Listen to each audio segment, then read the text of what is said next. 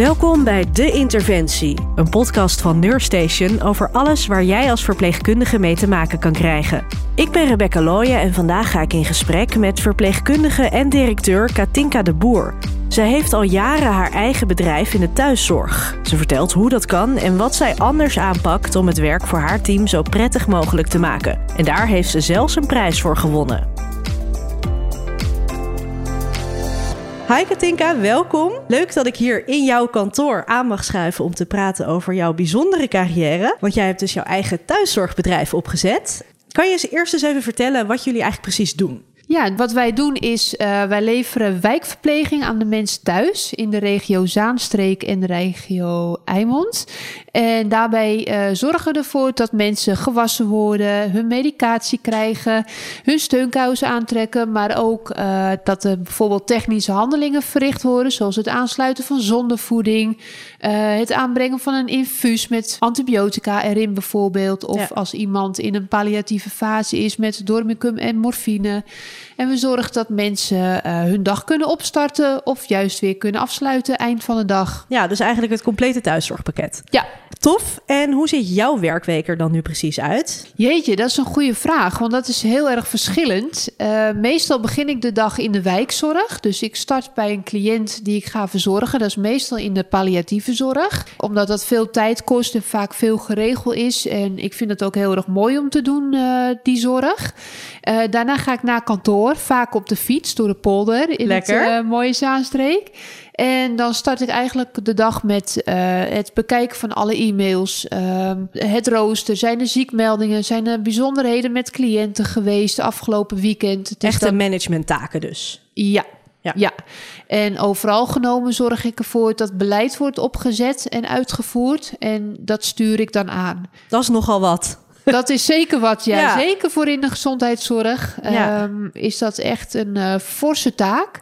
Ja, je hebt natuurlijk te maken met arbeidstekorten, maar ook met wet en regelgeving, met ja. kwaliteitseisen. We hebben zojuist weer de ISO 9001 behaald. Dus uh, alles is dik in orde. Fijn. Ja, dat is heel erg fijn en ook heel erg belangrijk. Dat we wat we doen ook goed doen en dat ook goed op papier staat. Uh, maar om dat te managen, te coördineren en op te volgen is best een dagtaak. Ja, ja, precies. En dan sta je ook nog aan het bed dus. Dus je doet echt die combinatie daarvan. Ja, zeker. Ja, hoe is ja. dat? Ik ga echt alleen uh, eigenlijk naar alleen palliatieve zorgcliënten. Maar als er nood aan de vrouw is, dan help ik ook wel eens mee in een wijkroute. Uh, tijdens de corona hadden we bijvoorbeeld drie zieken tegelijk. En dan wordt Ja. het heel lastig om Ja. het uh, op te vangen binnen het team. Ja. Dus dan zeg ik, nou, ik trek mijn jasje aan uh, en dan loop ik mee. Want dan hebben beleidszaken gewoon even geen prioriteit. Eerst moeten de mensen geholpen worden. Ja, en wel fijn dat jij dus ook de capaciteit hebt om naast die uh, uh, leidinggevende taken ook echt aan het bed bij te springen. Ook echt Ja. wat te kunnen betekenen daarin. In plaats van alleen maar ja, mensen kunnen bellen en vragen kan je komen. Ja, Is dat ook altijd nog een mogelijkheid? Ja. Ja. Hey, en um, nu is dit natuurlijk het resultaat van jarenlang hard werken. Je hebt niet ineens je eigen bedrijf, je bent niet ineens directeur. Nee. Um, misschien goed om even terug te gaan naar het begin. Want wat is jouw achtergrond in de zorgsector? Ik ben van origine verpleegkundige Mm -hmm. uh, en dan specifiek A-verpleegkundige. Oké. Okay. Ja. Werkte jij ook altijd al in de thuiszorg? Uh, jazeker. Ja, ik werkte voorheen voor grote organisaties. Werkte ik in loondienst uh, als verpleegkundige. Ja. En uh, vanuit die rol ben ik naar het uitzendbureau gegaan om als verpleegkundige te werken. En vaak ook in de thuiszorg, maar soms ook wel eens in een verzorgingshuis.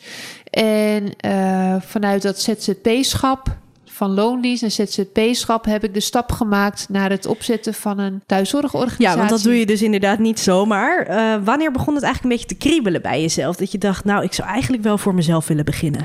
Nou, dat zat er sinds kinds af aan in dat ik zo graag ondernemer wilde worden. Hiervoor heb ik nog andere dingen ook nog gedaan. Uh, dus dat zat er eigenlijk al heel vroeg in van, oh, ik wil een eigen zaak hebben en uh, ik wil ook hard werken en uh, veel plezier maken. Was het altijd al in de zorg of maakt het eigenlijk niet zoveel uit? Nee, dat maakte me destijds uh, niet zoveel uit. Okay. Maar vanwege mijn verpleegkundige achtergrond ja. ben ik daar toch. Ja, want je bent dus toch eerst in loondienst gegaan. Dat is dus ergens ja. toch een beetje vervaagd dan dat idee van ondernemer worden.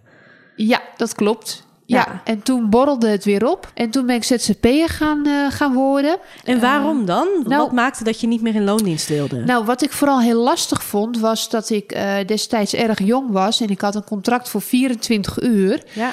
Um, terwijl ik eigenlijk veel meer wilde en kon werken. Ik was een jonge meid. Hè, ik wilde ook sparen voor een huis en, uh, en van alles. Maar uh, mijn uh, toenmalige werkgever gaf geen grotere contracten uit dan 24 uur. En dat vond ik heel zonde. Dus ja. toen dacht ik, nou, als ik ZZP'er ga worden, dan heb ik geen last meer van afgekeurde vakanties. en dan nee. kan ik ook 40 uur werken ja. en soms ook 50 uur.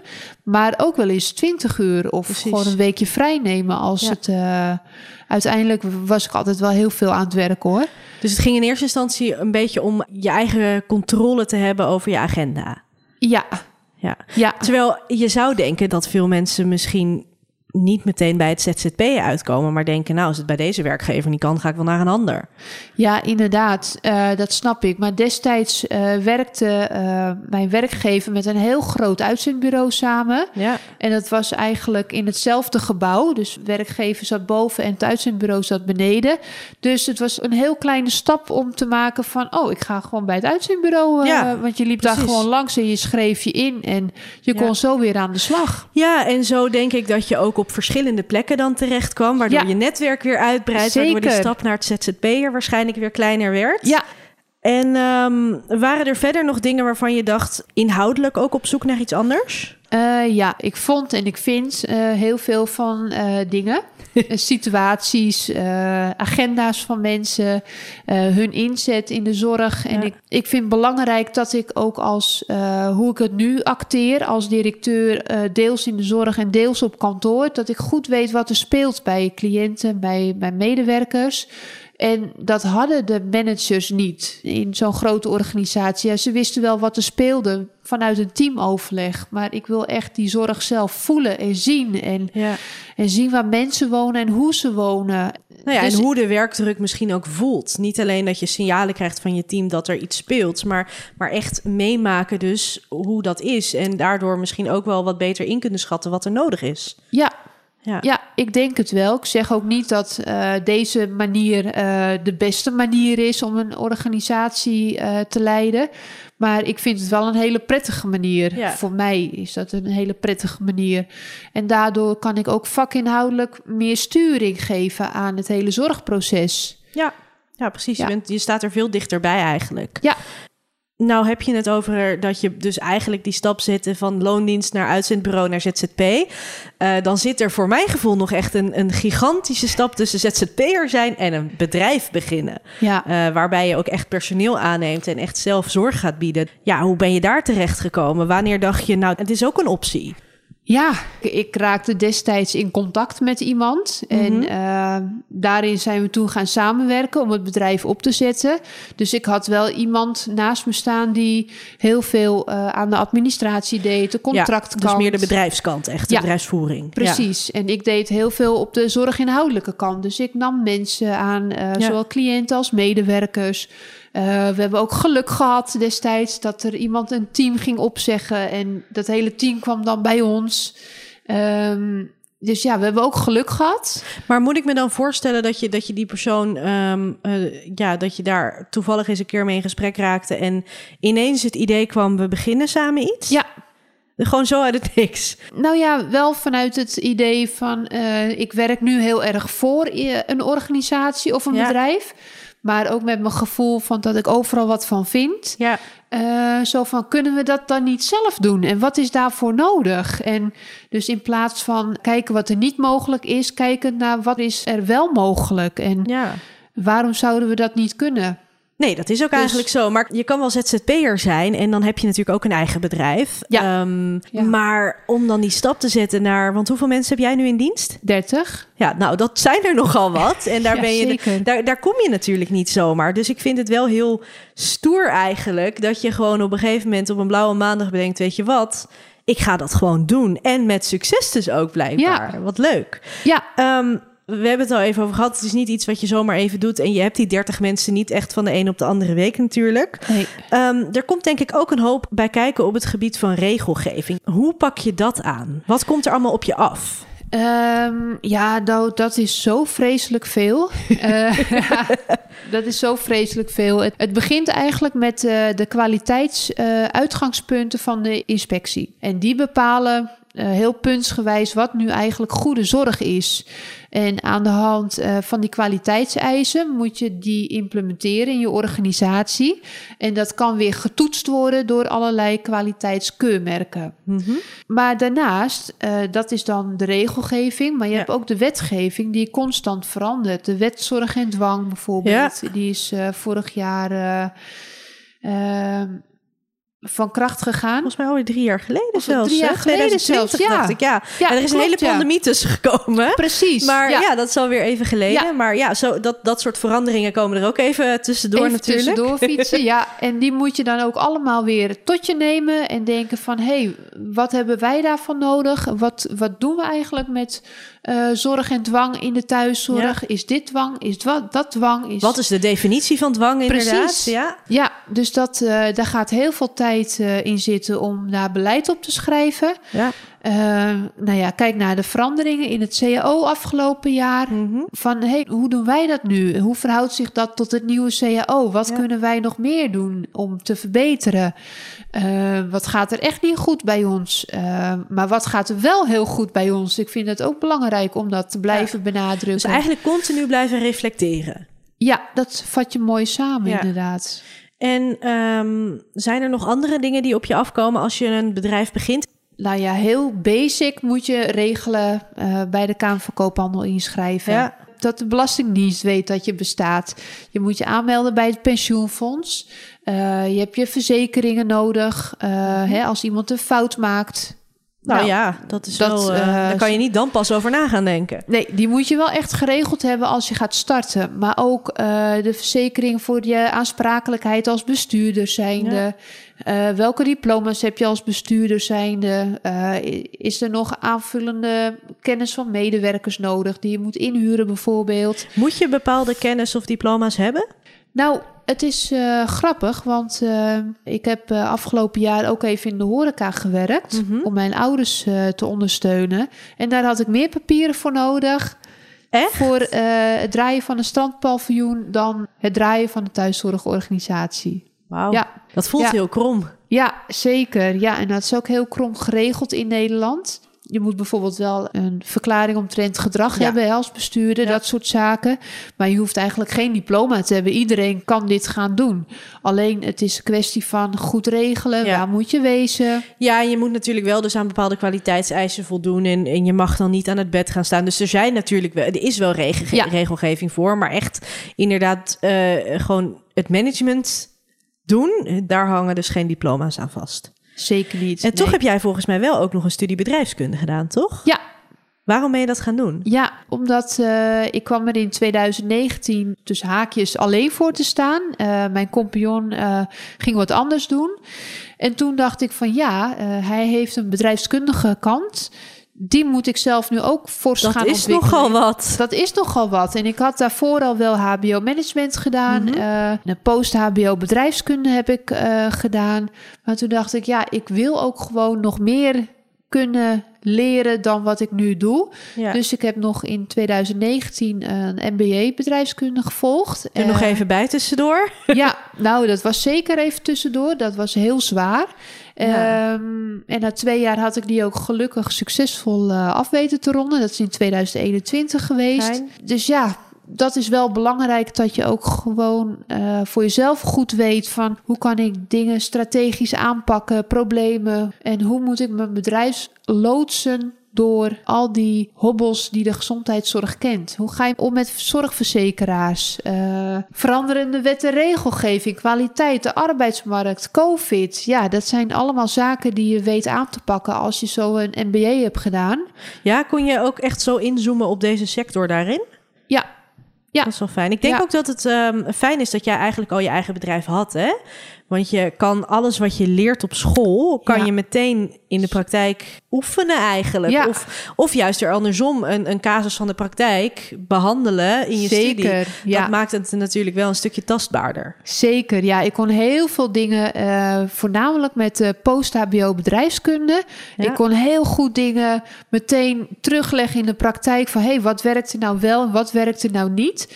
Eh, dus ik teerde heel erg op mijn ervaring... Ja. terwijl ik de aanvullende kennis uit de boeken ging halen. Ja, echt een soort dacht, wisselwerking dus. Ja, ja, dat was heel erg leuk, want ik haalde geweldige cijfers. En toen dacht ik, huh, ik haal allemaal negens, hoe kan dat nou? Ja. En dat is niet om op te scheppen, maar echt van... Nou, ik denk wel dat het gewoon anders is als jij meteen al hiermee bezig bent. In plaats van alleen maar een studie doet om een studie te volgen. En daarna maar eens gaat kijken wat je ermee gaat doen. Dat, dat zijn twee hele andere benaderingen. Ja, ja, dat klopt wat je zegt. Ja, ik had natuurlijk al een, een bedrijf Ja, eh, die draaide. En nu moest ik de kennis opdoen dat alles wat ik deed, dat het ook gestaafd was op Ja, een precies. modelletje of op een theorie. En dat bleek ook wel zo te zijn.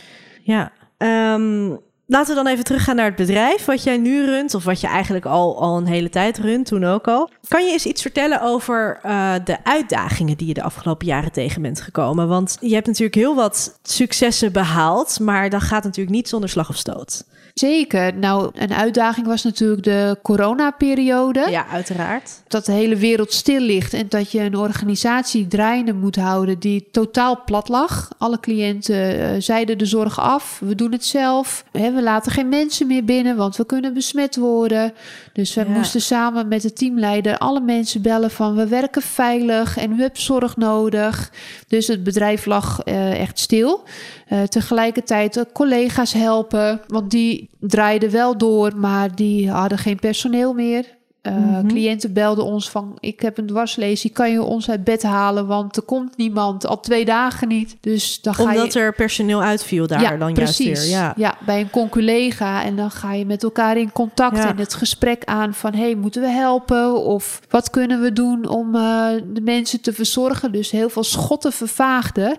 Maar uitdagingen zijn ook eh, om zorg te leveren binnen je, je budget van de zorgverzekeraar. Ja. Je krijgt een bepaald budget, daar mag je niet overheen. En je moet tegelijkertijd ook zoveel uur per week per cliënt besteden. Nou, dat zijn allemaal afspraken en daar moet je altijd onder zitten. Ga je erboven, betaal je straf in de vorm van geld. Dus dat is soms heel erg lastig, want tijdens zo'n pandemie eh, hebben mensen opeens heel veel zorg nodig. Ja. Achtergestelde zorg, eh, mensen die snel kwamen te overlijden, konden niet naar het ziekenhuis. En wat ook natuurlijk eh, iedereen wel bekend is, is de krapte op de arbeidsmarkt. ja, zeker. Kijk, er zijn ook heel veel sollicitanten, maar je wil ook de mensen eruit pikken die bij jouw organisatie passen, bij jouw visie van goede zorgverlening. En je kan iedereen wel aannemen, maar wat doet dat dan met de kwaliteit van zorg? En Ja, van je team ook. en voor je team. En ik Ja. denk zeker in zo'n periode die al zo heftig is, heb je heel veel aan elkaar. Ja, Als je het juiste team zeker. hebt dan. Ja, zeker. Ja. Ja. Ja. Dus dat zijn wel eh, uitdagingen die ik nu even heel snel benoem. Maar die wel in je dagelijkse werkzaamheden soms eh, aan het denken zetten van... Ja. poeh, dit is wel een zware baan. ja. Hey, en inmiddels is jouw bedrijf Zorgbegrip alweer bijna tien jaar oud. Ja, Dat eh, gaat ontzettend oh my snel. god. Ja, En je bent vorig jaar ook nog eens uitgeroepen tot Zaanse Zakenvrouw van het jaar. ja Gefeliciteerd nog. inderdaad. Ja, dankjewel. Leuk. Ehm, ik las dat de jury vooral heel positief was over de goede band die jij hebt met je personeel. Ja, Wat is daar zo bijzonder aan? Ja. Ja, dat zou je eigenlijk aan hun moeten vragen. maar wat, wat ik wel heel belangrijk vind, is eh, eh, dat je grotendeels weet wat er speelt bij de mensen. En dat doe je vaak door wat te eten, wat te drinken met ze, door eh, in contact te zijn met je mensen, door ook in de wijk mee te lopen. Ja. En daardoor heb ik met heel veel mensen een hele goede relatie omdat je weet wat speelt. En daardoor heb je ook begrip voor als er een keer wat is. Dus je hebt het Eh, dan over, je weet wat er speelt op werkvlak, maar ook op privévlak. Ook op privévlak, ja. En ook niet altijd alles en ook niet dat altijd. hoeft ook niet, hè? Het hoeft ook helemaal niet. Maar de mensen die bij me werken, het gezin erachter, die leer je wel in de loop van de tijd goed kennen. Ja. En eh, dat maakt dat je ook door mijn open houding Mhm. Ehm, ja, ik ben niet echt een hiërarchische directeur van nou, hè, jullie zijn medewerkers. Nee, ik ben ook gewoon mezelf en ben vrij open. En dat eh, zorgt voor een wisselwerking. Dat ja, mensen graag iets delen met je ook. Maar ook eh, dat ze je kunnen steunen op een moment dat er met jou wat is. Dus Ja. het werkt, en dat is echt niet om uit te huilen, maar het, het werkt vaak wel twee kanten op, zo'n Nou, energie. Ja, ik denk, dat, ehm, eh, ik denk dat iedereen wel herkent dat wanneer er gaten zijn in het rooster en jouw leidinggevende eh, ook bijspringt in het weekend bijvoorbeeld of in de avond, mits diegene Ja. dat kan, hè, dat je zelf ook sneller geneigd bent om te zeggen, weet je wat, ik kom ook wel. Ja, En dat Zeker. maakt gewoon dat, het, dat de druk ook wat behapbaarder wordt. Als je het met z'n allen deelt, eh, Ja. als jij wat voor een ander doet, doet een ander ook wat terug voor jou. ja, en zo werkt het ook echt. Ja. En ik las ook dat er bij jou bijna geen overwerk is. Ja, dat, is uniek in ja. de zorg. ja. Hoe pak Ja. je dat aan? Hoe krijg je dat voor elkaar? Nou, wij hebben een redelijk stabiel rooster voor eh, eh, alle collega's. Eh, dus dat betekent, we werken om het weekend in de zorg. Ja. Eh, dus je hebt eh, twee weken een rooster en dan daarna weer twee weken. En die loopt dan net even iets contra op die eerste twee weken. Als je dat monitort, dan weet je al wat er in december aan openstaande diensten is. En kun je dat helemaal vooruit berekenen. En op die openstaande diensten zorgen we ervoor dat we wat mensen in onze flexpool hebben zitten met een nul-urencontract of een ZZP'er Ja. of iemand in loondienst met een nul-urencontract. Of je hebt een stagiaire die nog eh, studieuren moet inhalen bijvoorbeeld. Maar ja, Dat die je- kan niet alles natuurlijk. Nee, die kan zeker niet alles. Nee, maar alles met elkaar genomen Ja, ja oké. Ehm, zorgt ervoor dat er eigenlijk heel weinig openstaande diensten zijn bij ons. En hoe zit het dan met verzuim? Want je hebt het over dat je vooruit kan plannen, maar er zijn ook situaties die, die Ja. gebeuren ineens. Ja, zeker. En je hebt altijd ziekte, ook wij. Ja. Eh, maar ons ziekteverzuim ligt gemiddeld op 2%. Oh. Dus ja, En je kan het niet verklaren. nou, ik denk door een gezond werkrooster, Ja. eh, door vooruit te plannen, door zelf ook in te springen in de Ja. wijk. En dat kan ook niet altijd hoor, want heel management Nederland zal denken van ja, dat is lekker makkelijk. Maar dat is ook niet altijd. Maar Ja. soms heb je situaties dat ik denk, ja, nu moet ik echt gaan helpen, want dat gaat niet meer. Maar door goed te plannen, maar ook vol is vol beleid met cliënten. Dus niet nog meer cliënten aannemen eh, terwijl je routes al propvol zitten. Contractueel met een zorgverzekeraar mag dat niet. Maar voor mij staat het behoud van mijn medewerkers voorop. Dus als er nieuwe cliënten aangemeld worden vanuit de zorgverzekeraar of vanuit het ziekenhuis, dan zeg ik ook wel eens: nee, we zitten vol. Kan gewoon niet. En wat is dan de consequentie? Dat er een andere zorgaanbieder gezocht wordt. Oké, want je zegt het mag eigenlijk niet, maar eigenlijk in de praktijk is het een soort Ja. eh, gedoogbeleid of ja, zo. precies. Iedereen doet het, want ja, je kan niet anders. je, ja. je kan mensen niet tot midden in de nacht eh, laten werken. En je kan ook niet verwachten dat mensen thuis wel even tot half twee s'nachts wachten totdat er iemand langskomt natuurlijk. Maar het gebeurt wel in de Ja. thuiszorg. Het gebeurt wel. En bij ons wordt het ook wel eens echt wel een half uurtje later op hele drukke diensten. Ja. Maar nooit tot half twee. Echt nooit. Komt dat denk je ook omdat jij zelf weet hoe het is om in de zorg te werken? Is dat misschien Ja, waardoor mis- jij makkelijker knopen doorhakt op dat gebied? Ja, misschien wel. Is dit ook onderdeel van jouw visie naar cliënten toe? Ja, ja zeker. Eh, ik vind dat eh, goede zorg begint bij eh medewerker die goed in zijn vel zit. En daar heb je niet altijd invloed op, maar vanuit het werkgeverschap heb je daar soms wel invloed op. Door een goed werkrooster, door fijne routes, door de zorgvraag een beetje afwisselend te houden. En daarmee staat er een, een blije werknemer aan Ja. het bed. Die gaat goede zorg leveren, die blijft zich ontwikkelen. Die is scherp. Die is scherp, Ja. die signaleert. En dus een prettige samenwerkende partner voor een huisarts of een ziekenhuis als er wat is. Dus ik denk wel dat in de basis dat het werkgeverschap een grote rol speelt bij het leveren van goede zorg. Want het begint bij die persoon. Een persoon die helemaal overbelast is door al vijf, zes diensten in de week gewerkt te hebben. Die is niet meer scherp. Die wordt makkelijk of die is moe of die heeft nog een huilend kind s'nachts. Ja. Ik denk niet dat iedereen een eigen bedrijf kan beginnen zoals dit, toch? Nee. Wat moet je in huis hebben om dat te kunnen gaan doen? Als je nu denkt van, god, dat lijkt me wel echt heel gaaf en ik heb ook ideeën en ik heb een visie. Wat moet je in huis hebben? Ja, je moet uh, vooral heel veel doorzettingsvermogen hebben. Mhm. Want het werken met mensen is soms een moeilijke taak. Of je moet het van nature heel erg goed afgaan. Maar je werkt met cliënten en met uh, medewerkers. En in deze tijd moet je daar echt heel, heel secuur en goed mee omgaan. Uh, uithoudingsvermogen, omdat ja. contracten met zorgverzekeraars, uh, voordat je in een heel mooi contract zit, gaan er jaren overheen. Je moet ook vooral gezond van lijf en leden zijn. Goed rusten, gezond leven. Ja. Want het is echt een uh, heftige baan waar echt uh, fouten ja, levens kunnen kosten. Als ja. jouw medewerkers fouten maken in, je, in een zorgverlening, kunnen dat levens kosten. Dus je moet echt zorgen dat alles goed geregeld is. Ja, weet waar je aan begint dus vooral. Ja, zeker. Ja. ja. Jij bent dus al bijna tien jaar verder. Ja. Heb je nog dromen? Ja, ik zou graag een, uh, een kleinschalig wonen voor mensen met een dementie willen opzetten. En een hospice zou ik ook uh, heel mooi vinden om dat uh, mogen ontwikkelen. Ja. Nou, mooie plannen. Ja, dankjewel. Ja. Hey, uh, dan tot slot, want daar eindig ik altijd mee. Um, wat zou jij vanuit jouw expertise mee willen geven aan andere zorgverleners? Dan ga ik toch voor het feit uh, dat ik het advies wil geven van kijk binnen de mogelijkheden die je hebt in Nederland. Om vanuit die mogelijkheden te denken, kan ik een positieve verandering bewerkstelligen in mijn eigen leven of op mijn werk of in mijn omgeving. Uh, dat je altijd kijkt naar wat er wel mogelijk is en niet naar wat er niet mogelijk is. Dat vind ik wel uh, heel belangrijk, omdat we zo vaak zien hoeveel beperkingen onze cliënten hebben met uh, lichaam en geest. En laten we vooral zelf kijken, elke dag weer opnieuw naar wat is er wel mogelijk en waar word ik zelf blij en gelukkig van. En ik denk dat je daarmee het verste gaat komen. Je luisterde naar De Interventie, een podcast van Nurstation.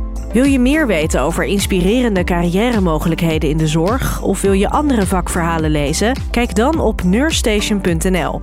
Volgende maand zijn we er weer. Dan ga ik in gesprek met overgangsconsulent Martine Den Hoed.